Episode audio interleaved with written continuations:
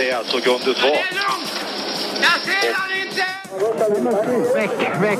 Carl Gustav, can you hear me? Björn Borg, Ingeborg Stenmark. You guys took a hell of a beating. Väck, väck. Alla går in i spår. Hittar de luckan?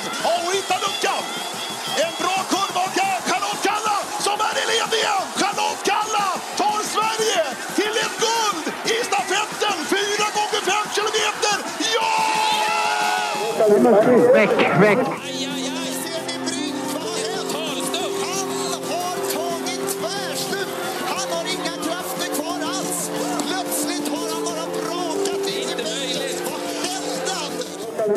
Väck, väck. VM-special med skidsnack. Ja, hallå. Det var eh, den här gamla bekanta numera, VM-gingen får man väl ändå säga. Eh, vi hade ju spelat den eh, så sent som eh, förra veckan. Eller den här Ja. veckan. Nu är jag veckovill här, Stefan. Det var den här veckan. Jag, ja, jo, det var det. Jag känner mig mest eh, hemma i den här Jörgen Brink-sekvensen för tillfället. Ja, men visst är det känns- lämpligt att den avslutar ändå på något vis. För att det är ju lite den känslan vi har här va? Ja, det här har ju inte allt börjat bra. Vad, är, vad fan är det som händer? Nej, vi kan väl säga i podden en stund så har vi sett och kollat på sprintstafett som tog slut för ungefär 10 minuter sedan, eh, herrarnas. Eh, det är väl framförallt, eh, ja jag vet inte, av någon anledning så är det Ingemars dotters brinkande som ligger ändå hårdast på näthinnan. Theodor Petterssons var så väntat på något vis. Ja, det var väl kanske inte som att man eh, satt och trodde på en eh, svensk herrmedalj där. Men, Nej. eh, nej, men vad fan var det som hände? Det, det såg ju bra ut till en början och sen helt plötsligt fanns det noll att ge. Eh, Och det är väl inget annat att säga än att det här har varit ett rejält, rejält fiasko-VM så här långt.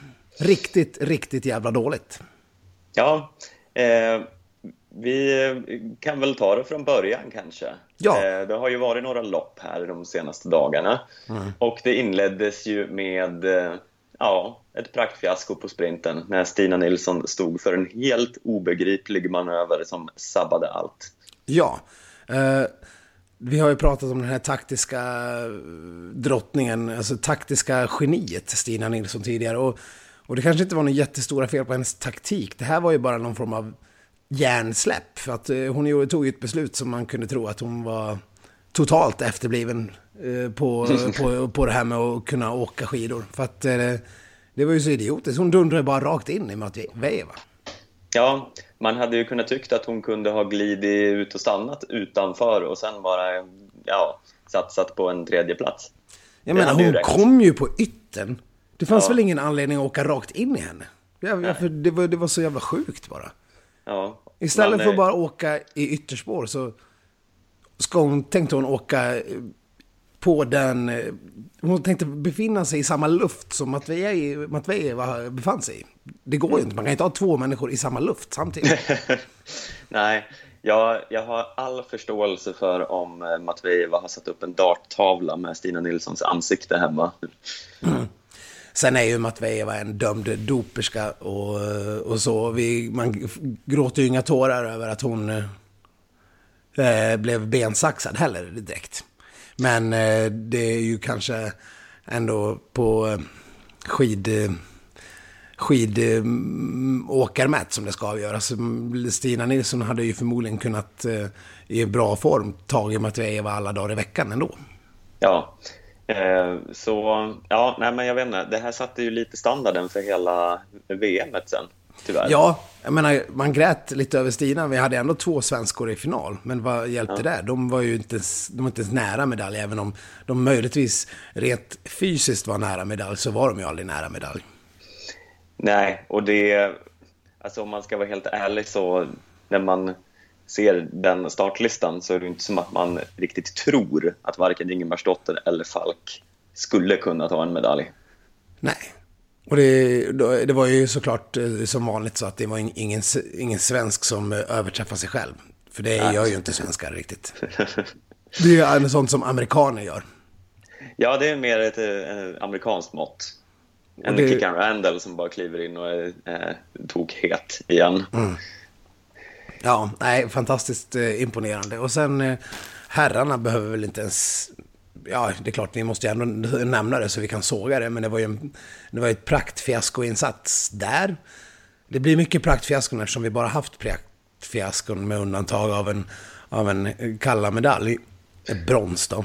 Nu säger jag det, men lätt avsmak i rösten. Men eh, Theodor Petterssons insats eh, hittills i VM med tanke på hans insats i individuella sprinten och sprintstafetten är väl eh, lägg skidorna på hyllan Theodor och gör alla en tjänst. Satsa på en mustaschkarriär istället. Ja, alltså man undrar ju lite vad de gjorde uppe på det här höghöjdslägret i Seiseralm där. De kan ju uppenbarligen inte ha gjort något bra eftersom alla har lyckats formotoppa. Ja, det, det, det är ändå fascinerande, uselt. Eh, eh, Ja. Det, men det måste vara ganska mycket coacharbete. Coacherna har ju visat sig vara eh, riktigt, riktigt usla. Rickard Grips eh, laguttagningar, han, han gav Ebba chansen där, men till dagens sprintstafett, hade det här varit en, en lagidrott, alltså typ hockey eller fotboll, eh, då hade han fått sparken direkt. Han har fått gå på dagen. För att han tog ut så dåliga lag. Ja, Det är som det- att en, en Premier League-tränare som ligger sist och inte har tagit poäng på fyra matcher, då, då får man gå. Nu. Men eh, ja, om vi ska, eh, innan vi lämnar sprinten där, bara nämna Kalle Halvarsson. Jag, jag begriper inte vad grejen är med honom, för han verkar ju under vissa varv vara svinbra och sen helt plötsligt kroknar han. Nej, men det är väl samma där. En väldigt eh, tveksam form. Eh, jag menar, hade han varit i den formen som han var direkt i början av säsongen, då hade han ju kunnat bara köra på och tagit, tagit sig sakta men säkert vidare till en final och där vad som helst har kunnat hända liksom, eh, om, man, om man hade haft form. Men han, han är ju totalt i avsaknad av form och då blir det ju jävla upp och ner insatser. Det fortsatte ju sen på skiathlonen när han eh, såg ut som att han kände sig pigg ibland. Och För att sen bara rakt braka in i någon form av eh, stumbensvägg. Mm. Ja, för det var ju lite jojo där. Först eh, gick det dåligt, sen eh, blev han helt plötsligt bättre på det klassiska, sen blev han dålig i fristilen och så blev han lite bättre och upp och ner.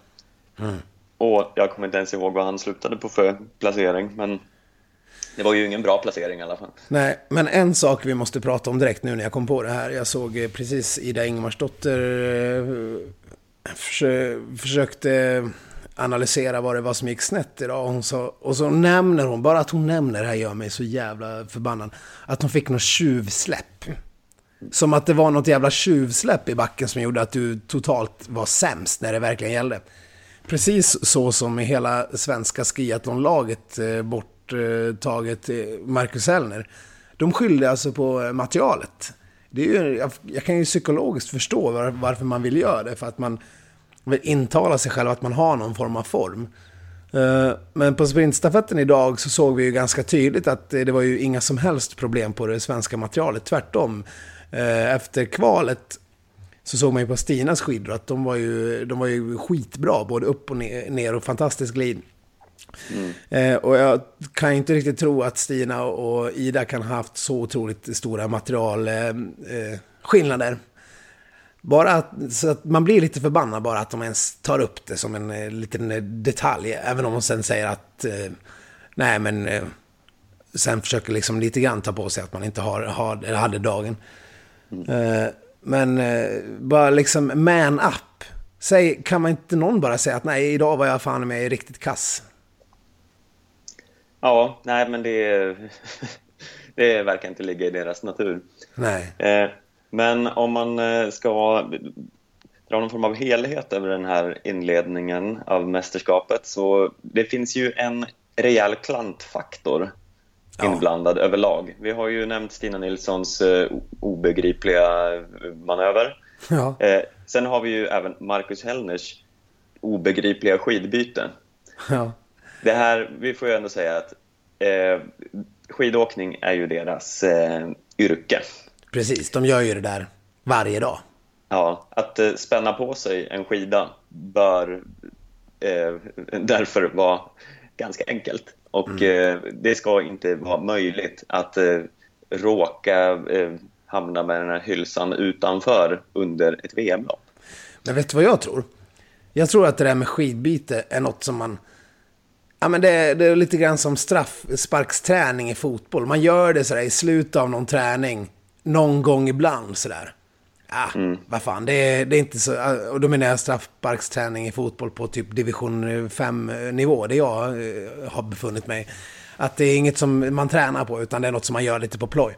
Så exakt tror jag att de gör med skidbytesträning i svenska landslaget, eller överlag. Det är inget de tränar på, det är, det är något man bara...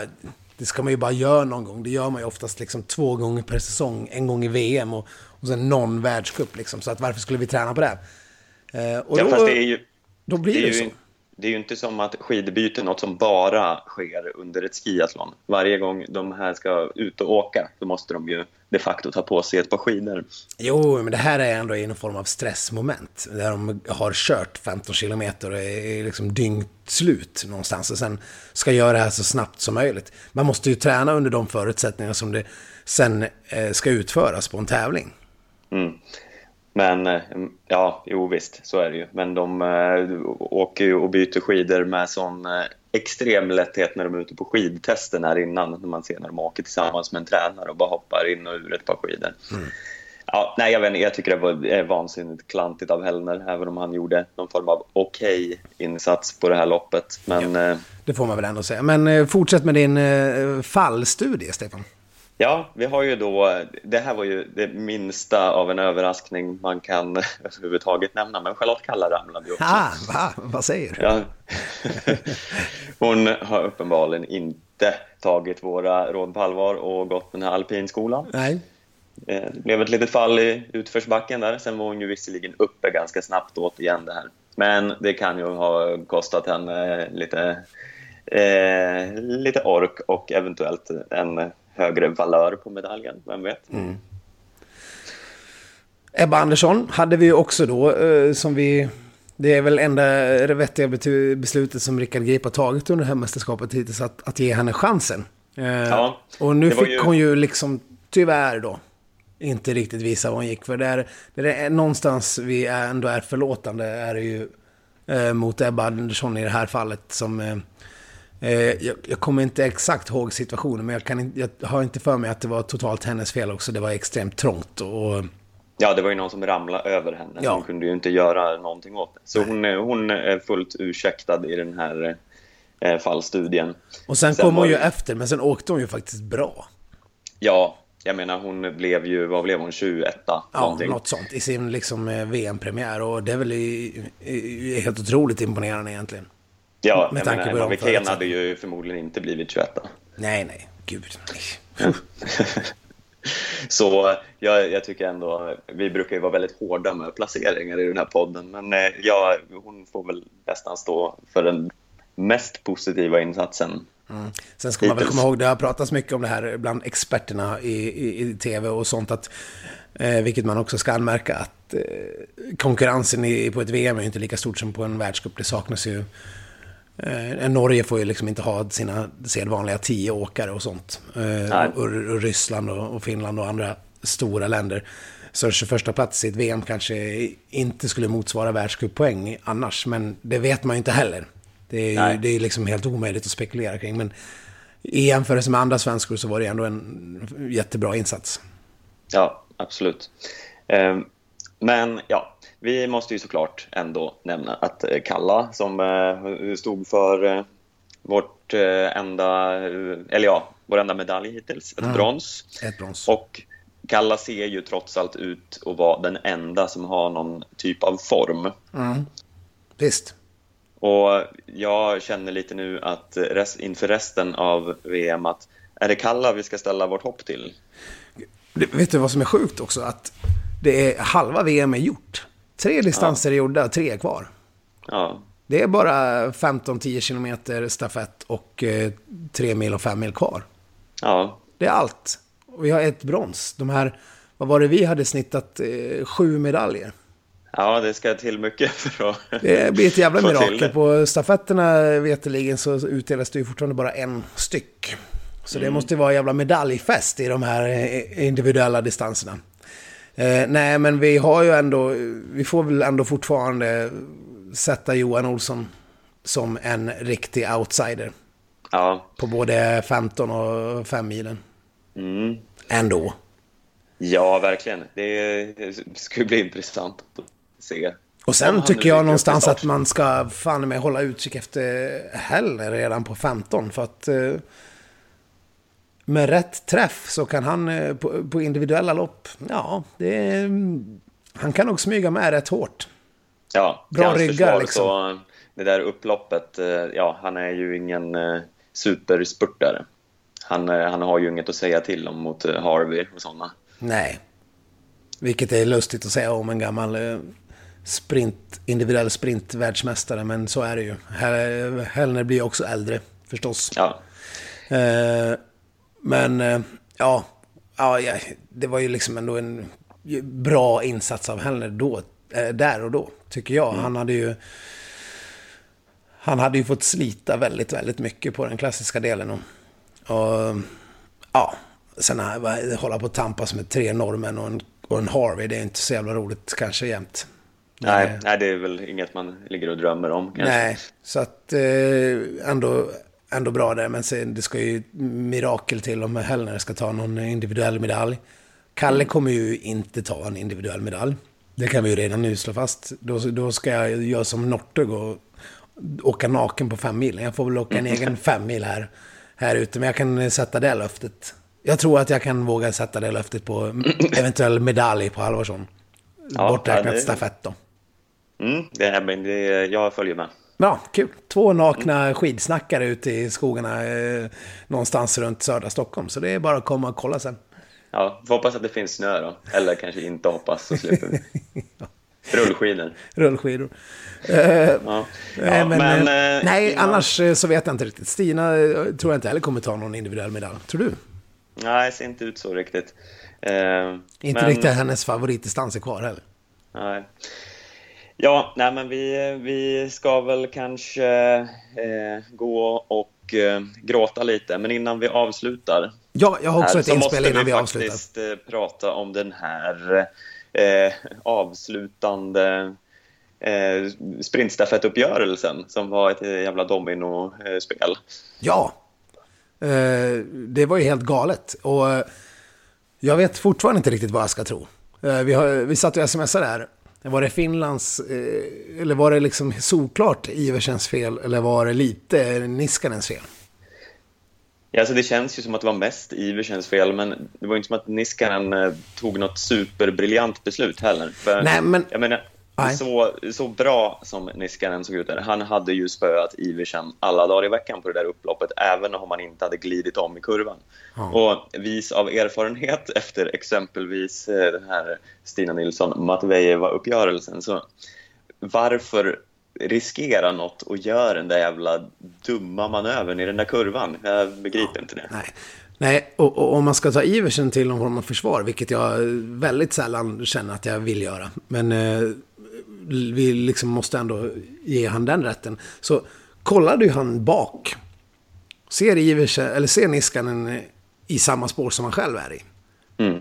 Och en halv sekund senare så byter han spår. Men vad som har hänt på den halva sekunden är ju att Niskanen har gli- bytit och glidit upp jämsides. Mm. Men då kollar ju Iversen då framåt i åkriktningen. Så att han ser ju inte att när han kollar bak och ska kontrollera då är ju Niskanen bakom honom i samma spår. Eh, Så jag vet inte vad ska han mer kunna göra inför ett spårbyte. Nej. Eh, nej, precis. Det var en väldigt svårbedömd situation. Och nu, Nu spelar det absolut ingen roll. Nej, alltså nu vet vi ju inte om det... Det verkar väl inte ha blivit någon protest eller sådär. Ja, men Eh, protest spelar ingen roll. Finland får ju sitt brons. Norge kan bli fyra eller sist. Det är ju Ja. skillnaden som det blir. Liksom. Så att eh, det, det är en... Det är ju en meningslös diskussion egentligen. Det är bara det att... Eh, eh, att Niskanen kunde ha gått för guld. Och Ja. eh, det hade ju Iversen också då kunnat gjort. Det var ju... Istället fick vi ju den här trista uppgör uppgörelsen då att Ustjugov gick och vann Ja. efter att ha varit avhängd. Jag känner verkligen inte att det var någon välförtjänt upplösning på det här loppet. Sen ska vi väl också säga det att i podden så, har inte jag i alla fall sett något eh, tydligt besked om, eh, om Sverige har lämnat in en protest mot Ryssland eller inte. Det här Matvejevas eh, växling. Det kan ju mycket väl komma ett beslut i efterhand att Ryssland faktiskt blir diskade och Sverige får ett brons i sprintstafett. Men jag kunde inte bry mig mindre. Jag värderar det här bronset till i så fall ingenting.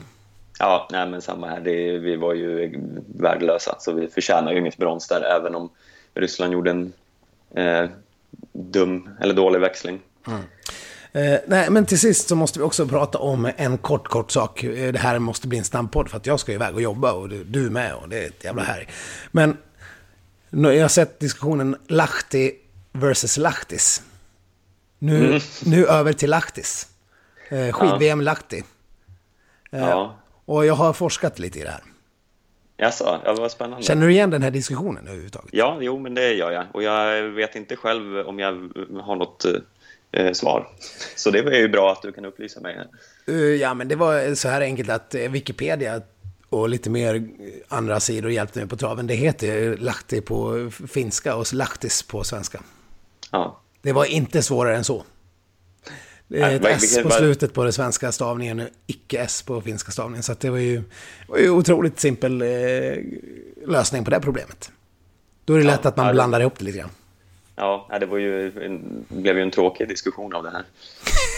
Ja, men jag vill ändå reda ut begreppen lite grann. Ja. Så att Ja, eh, man kan det- ha både rätt och fel. Jag, vissa skulle väl då säga att då säger man fel som säger Lahti. Det är som att säga New York. Eller vad är det man brukar ta som exempel när det blir en sån här eh, utländsk... Eh, Barcelona. Barcelona. Och vad ska du i helgen? Ska dra till. Barcelona. Ja, ha- hur var det i London? Ja, nej, ni hör ju hur dumt. Så då är det alltså fel att säga Lahti. Då får man säga Ja. skid-VM Lahtis.